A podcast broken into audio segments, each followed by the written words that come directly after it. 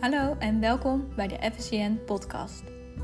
Bij deze podcast richten we ons op de ontwikkeling in de voedsector en bespreken we de analyses van het Food Service Instituut Nederland met behulp van verschillende experts. Welkom bij de FCN podcast, Bas Padberg en Jan-Willem. Bas, jij bent managing director van Arla Foods Nederland, België en Frankrijk. Arla Foods is een internationale zuivelcorporatie en eigendom van melkveehouders uit zeven landen in Europa. En jullie leveren zuivel in Nederland en onder andere ook Duitsland. Kan jij iets vertellen, Bas, over de impact die de crisis heeft op jullie als internationale leverancier? Ja, zeker. Ehm, kijk, wat we zien, wat, wat, volstrekt helder is, is dat uh, de foodservice-markt natuurlijk een enorme klap uh, krijgt. Dat is, dat is geen nieuws. Ons ja, corona scenario 2 rapport van het EFSE komt binnenkort uit. En daar zien we in Nederland toch een verwachting van ruim van een derde van, van de omzet over het hele jaar. Over Europa heen zien we ook dalingen zeg maar, variëren tussen min 70% zelfs in de foodservice kanaal tot, tot min 30% dus in die zin zou je kunnen zeggen dat Nederland nog aan, uh, ja, aan, aan, de, aan de kant van de schaal zit, uh, waar de impact nog wat minder groot is. Maar er ook landen zijn waar het, uh, ja, waar het, waar, waar het min 70% is. De impact op, op ons als leverancier hangt ook sterk af van hoe, hoe je omzet verdeeld is zeg maar, over de verschillende kanalen. Hè? Dus je hebt natuurlijk retail en foodservice maar ook weer je afhankelijkheid binnen foodservice van een aantal kanalen. Nou, ben je sterk afhankelijk van horeca, dan zul je begrijpen dat de impact ja, heel groot is. Want ja, vanwege de lockdown zijn die, zijn die locaties gewoon niet geopend.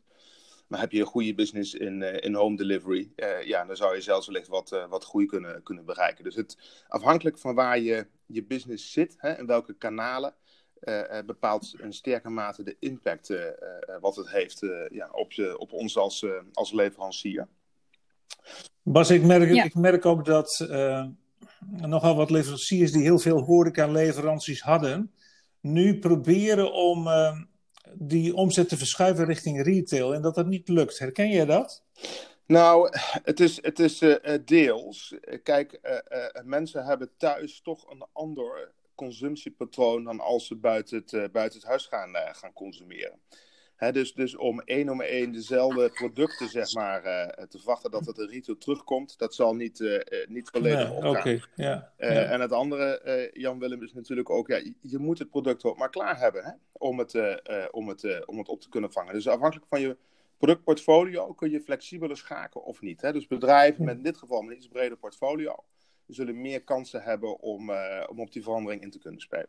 Ja, en ik merk ook dat de retail helemaal niet open staat om nu in deze tijd opeens allerlei nieuwe leveranciers en nieuwe assortimenten op te nemen. Dus dat speelt ook nog mee. Ja, kijk, wat, wat, we hebben natuurlijk uh, het, het, belangrijkste prioriteit eigenlijk, en zeker in de, uh, noem het even, in de mobiliserende fase van de crisis. Hè, we hebben met elkaar proberen een, een ja, een soort stabiele fases in de crisis te kunnen uh, realiseren, is de primaire verantwoordelijkheid is natuurlijk veiligheid van onze mensen, van onze medewerkers en een stabiele uh, supply chain en logistieke keten. En om dat stabiel te krijgen in een ja, nogal volatiele marktvraag, ja, probeer zoveel mogelijk verstoringen eruit te halen. En dan, dat kan betekenen ook dat bepaalde productintroducties niet doorgaan. Ja.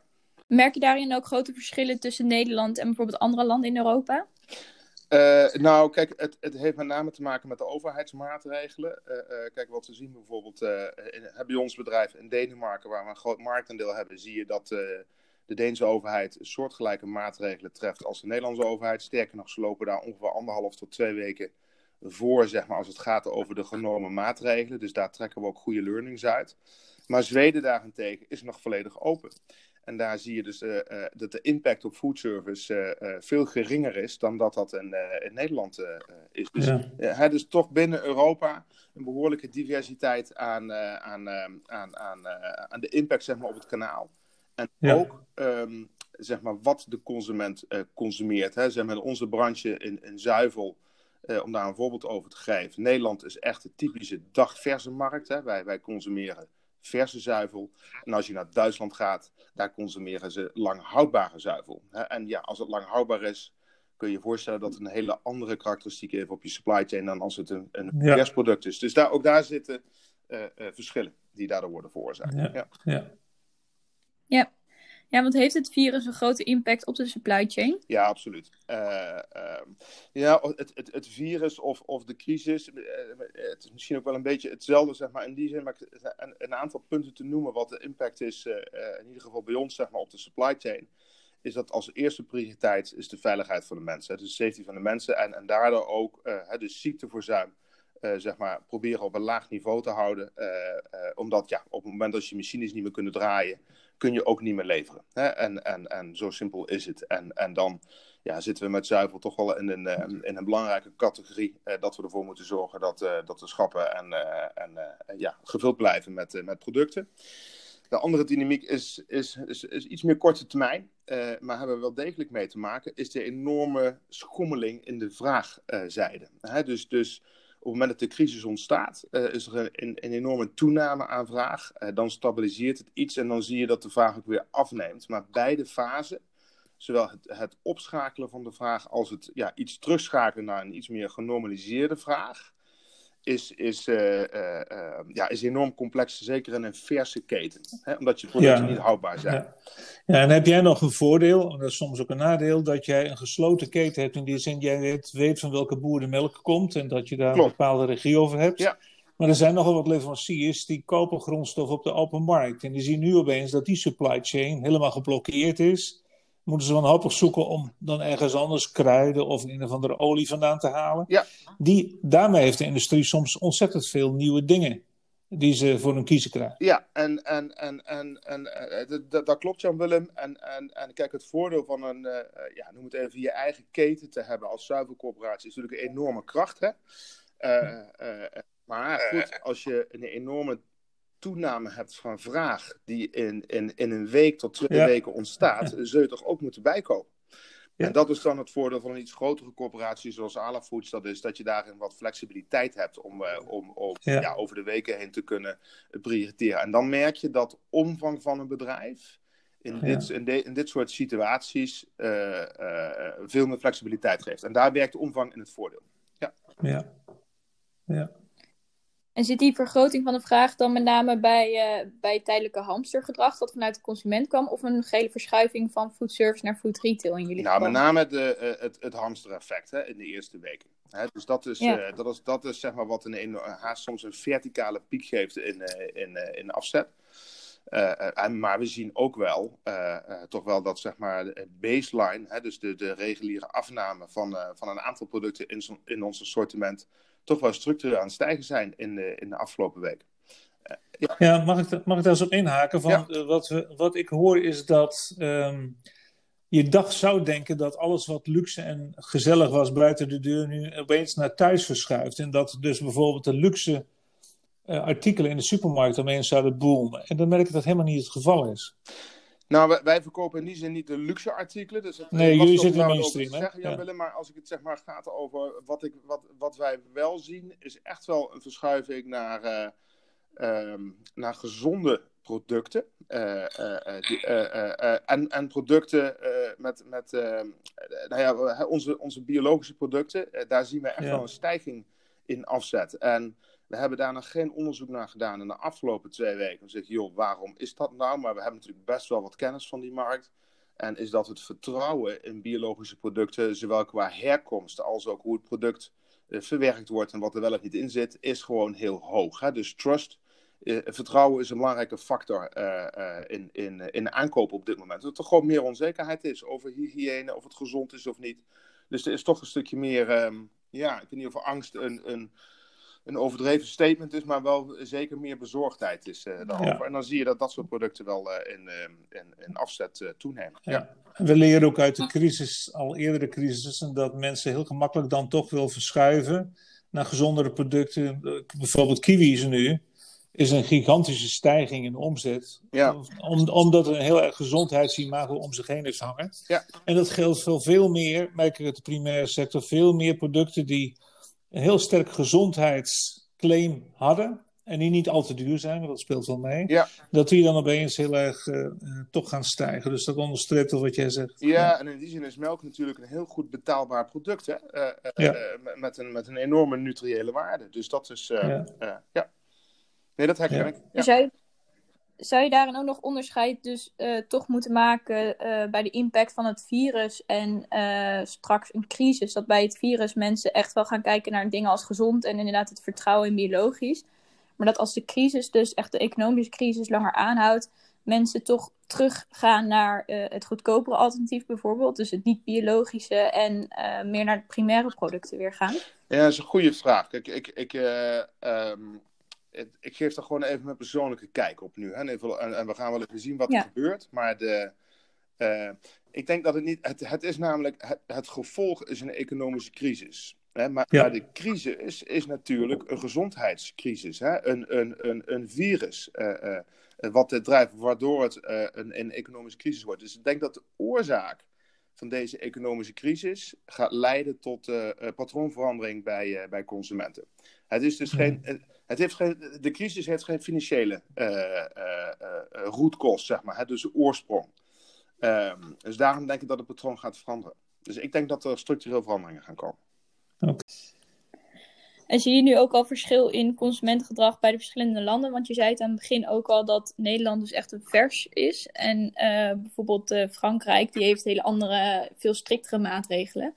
Uh, betekent dat ook andere, andere producten daar? Nou, dat, dat, dat, dat zien we nog niet. Uh, we zien wel redelijk uh, gelijke trends zeg maar, over die landen heen in de toename van, van producten. Dus lang houdbare producten zien we toenemen.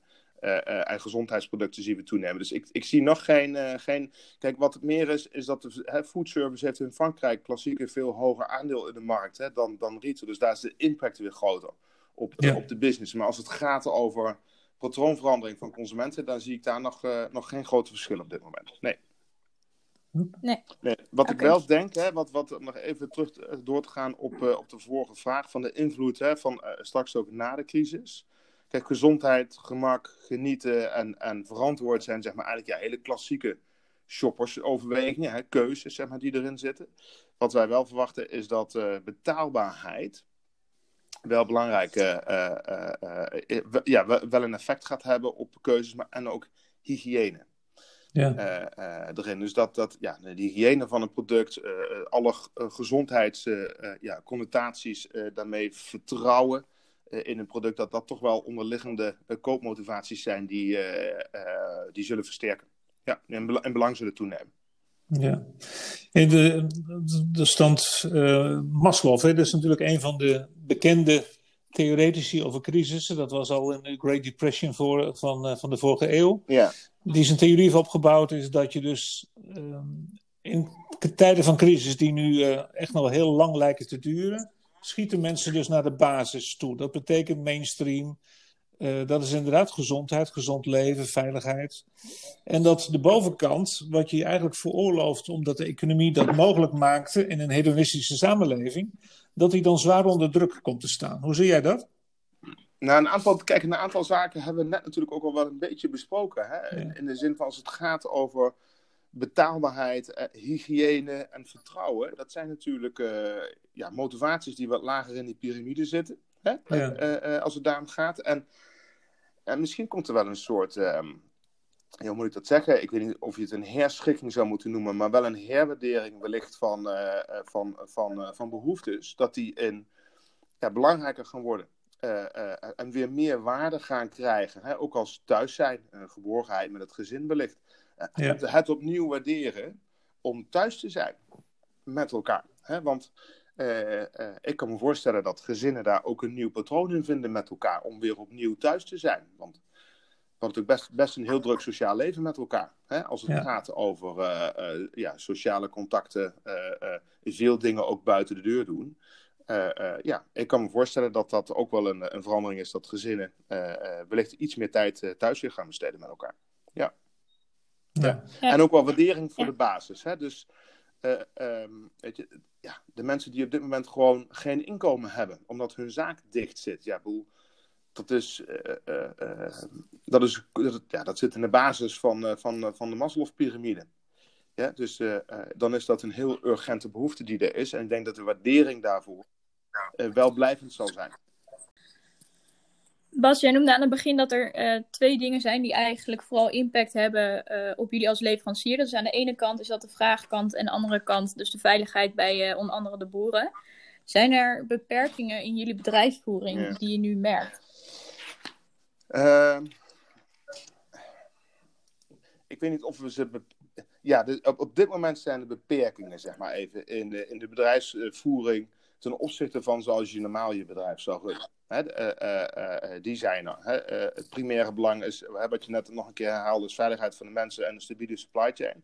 Dat is de focus op, op dit moment. Dus dat betekent productontwikkeling, maar ook bijvoorbeeld de herinrichting van een fabriek. Investeringen die je doet naar de toekomst toe, die, die toch ja, een, een, een, een, een bepaalde mate van stabiliteit kan beïnvloeden van een fabriek. Dat je die toch kritisch bekijkt of je die nog wil, wil doen op dit moment. Hè? Of, of dat je daarmee mee gaat wachten. Dus ook investeringen erin die ja, daar, daar geef je toch een. Uh, uh, kijk je eigenlijk even opnieuw naar als, uh, als managementteam. Gaan we dat nog doen of, of niet? Um, hè, dus, dus ook, maar ook productinnovaties die, die het proces kunnen verstoren in, in, als het gaat over de ontwikkelingsfase. Maar ook omdat je weet dat, dat je klanten op dit moment ja, misschien nieuwe productinnovaties niet de prioriteit is even in deze periode, maar meer een stabiele supply chain. Dus het heeft zeker invloed op je bedrijfsvoering. Ja. Wat betreft de kortere termijn en voor de lange termijn ja, zal patroonveranderingen in consumentengedrag bepalend gaan zijn voor, voor productontwikkeling. Daar ben ik van overtuigd. Ja. Is jullie verdienmodel, dan praat ik niet alleen over jou als Arla, maar ook in zijn algemeen, het verdienmodel van leveranciers, is dat dan fundamenteel aan het veranderen nou? Nou, ik, ik, ik, denk op korte termijn wel, maar ik denk dat ons, onze, noem het even als leverancier, zeg maar, ons verdienmodel in de basis niet zal veranderen. En dat te kijken wat je doet, is dat je uh, producten ontwikkelt die, uh, om, om, je klanten te helpen. Hè? om zo goed mogelijk oplossing voor je klanten te bieden of een behoefte van de consument. Dus ik denk dat dat, die rol in, in de value chain zal niet veranderen. Maar welke invulling je daaraan geeft en met welke productoplossingen, dat zal wel veranderen. Dus ik denk op de lange termijn dat je verdienmodel uh, niet, uh, niet zal veranderen, maar wel welke oplossing je daarvoor gaat bedenken. Ja, dat ja. ja. ja. Oké. En hebben de maatregelen die dus onder andere genomen moeten worden bij de fabrieken en ook bij de boeren omtrent veiligheid en hygiëne ook nog invloed op de prijs van het eindproduct?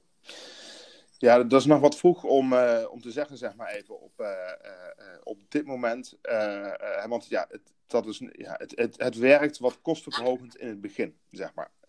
zeker zo. En, maar wat een veel grotere impact heeft op, op de prijs, is natuurlijk wat er gebeurt aan de vraagzijde. Hè? Want ja, als de vraag van, van foodservice voor een groot deel wegvalt, en dan komt misschien wel voor een deel terug in retail maar als het onderaan de streep uiteindelijk minder uh, afzet is, uh, dan is dat, heeft dat een grotere impact op de prijsontwikkeling dan, dan zeg maar kostenverhogende maatregelen die, die hygiëne bijvoorbeeld aangaan. dus de, de vraagontwikkeling blijft de grootste impact hebben op de prijs.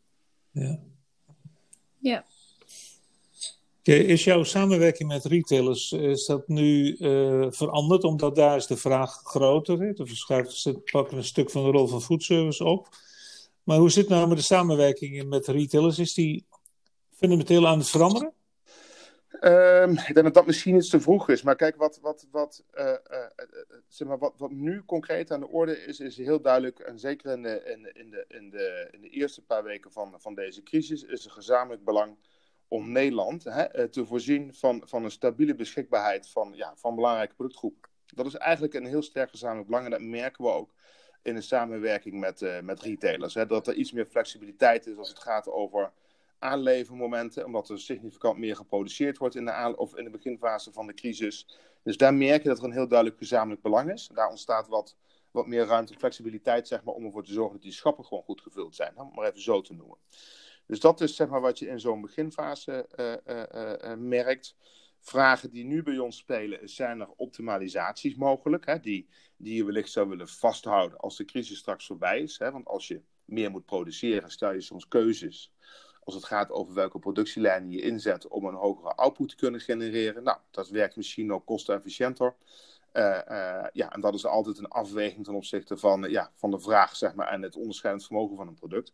Maar daar zitten wellicht nog wat kansen in, in de toekomst. Wat ik wel denk waar de samenwerking uh, uh, uh, zeker een andere invulling zou, of een andere inhoud zou, zou kunnen krijgen, is wat zijn de rollen van de verschillende productcategorieën in de supermarkt. want het zou, de supermarkt zal toch, en, en dat Dus het rapport wat jullie hebben gemaakt uh, schrijft daar ook wat over. Hè, dat de supermarkten eigenlijk een hele sterke positie hebben op dit moment. Als het gaat over de locaties die ze hebben, de logistieke infrastructuur die ze, uh, die ze hebben. En ook het vertrouwen van de mensen om daar naartoe te gaan. Hè, want het is toch vaak dichtbij, je hoeft niet zo ver van huis. Uh, uh, wat betekent dat voor de rollen van, uh, van verschillende productcategorieën? Dus, dus ja, ik kan me voorstellen dat misschien onderkoopproducten in de toekomst misschien wel meer worden gekocht hè, bij, bij een supermarkt ja. dan in het verleden. Dus, dus de rollen van een categorie kunnen veranderen en ook de invulling van een categorie zou kunnen veranderen. Ja. Dus meer, nog meer aandacht voor, um, ja, wij denken toch voor, voor gezondheid. gezonde producten en betrouwbare ja. producten waar goede hygiëne op zit, waar de herkomst van de producten duidelijk is, waar gewoon een hoog, hoog vertrouwen aan zit. Uh, ja. ja. Goed. Misschien als laatste vraag, uh, Bas. Hoe kijk jij persoonlijk naar de toekomst? Ja, het is een beetje tweeledig. Kijk, op korte termijn is het natuurlijk is het, is het echt gewoon gaat het gewoon een hele harde crisis zijn. Hè? het scenario van, van, van, van ons als EFSIN, scenario 2, laat zien 5%. Hè? In ieder geval zeker 5%. Nou, we zagen van de week dat het IMF eh, dacht dat Nederland misschien zelfs naar 7,5 zou kunnen gaan. Maar de boodschap is 5% of meer. Dat is toch echt wel iets wat, uh, wat een heel reëel scenario is. Dus dat, dat, ja, dat gaat heel pittig zijn. En zeker ook afhankelijk waar je als bedrijf op dit moment zit. Hè, waar je sterk van afhankelijk bent. Wordt dat relatief hard geraakt of minder geraakt erin. Als we gaan kijken naar de iets verdere toekomst, uh, denk ik dat, uh, uh, dat er toch ook echt wel kansen gaan, gaan zijn. Zoals iedere crisis die, die natuurlijk biedt. En dat is toch ook wel, en misschien is dat ook wel iets waar, ja, wat goed is om, om over na te denken. We zijn natuurlijk heel druk met het organiseren van de crisis. maar dat er ook een aantal mensen bezig zijn met hoe gaat die toekomst er straks uitzien. Hè? Dus ook binnen je bedrijf. Hè? En niet alleen de rebound fase, hè, als die crisis straks wat minder wordt. Maar ook wat, uh, het, het, het, soort van opnieuw uitvinden van wat zijn structureel veranderende patronen. Uh, en wat betekent dat voor onze productinnovaties die gaan komen. Dus ja, daar gaan zeker heel veel kansen ontstaan. Hè. Food delivery gaat omhoog. Misschien gaan er wel meer fusies en overnames gebeuren in deze periode. Betaalbaarheid zal belangrijk zijn, hygiëne, dark kitchens. Ik noem maar even gewoon een aantal hele logische voorbeelden van ontwikkelingen waar, uh, uh, waar zeker kansen gaan, gaan ontstaan. Dus daar ben ik wel heel, daar ben ik heel optimistisch over. maar tegelijkertijd, het aankomende dit jaar gaat, en misschien in ieder geval het begin van volgend jaar ook nog wel, gaat wel heel pittig zijn. Ja. ja. Dus, dus, ik ben een optimist in die zin, maar ik, de realiteit is er wel. Ik ben ervan overtuigd dat het, het, het, het de, de, manier van werken ook heel erg gaat veranderen. Hè? Bij, bij, bij grote bedrijven, of het nou banken zijn, dienstverlening of zelfs ook voedproducerende bedrijven, dat uh, de balans tussen op een kantoor werken en thuiswerken, uh, dat er een andere balans gaat zijn dan dat het voor de crisis was. Ja. Wat betekent dat? Bijvoorbeeld ook voor cateraars. Hè? Uh, als er straks ja, minder mensen aanwezig zijn, wat betekent dat? Is ja. dat kunnen we, hoe, hoe, hoe, kunnen we daar een kans van maken? Um, dus nou ja, goed. Dit zijn maar even een aantal ja, ja. vragen. Die, die, ja. ja. Zo kunnen we nog een aantal denken. Dus het, ik denk dat dat ook wel dat je jezelf zeg maar, als, als, uh, als verantwoordelijke van, uh, uh, ja, toch van bedrijven, zeker in deze tijd, jezelf de ruimte moet gunnen, de tijd moet gunnen, om over dit soort dingen na te denken. want uiteindelijk moeten we, en dat is onze verantwoordelijkheid met elkaar, toch richting geven aan, aan de bedrijven waar we verantwoordelijk voor zijn. Ja. Dus dat is wel een belangrijke taak voor ons. Ja, ja zeker. Mooi gezegd. Goed. Dank jullie wel, Bas Padberg en Jan-Willem Gievink.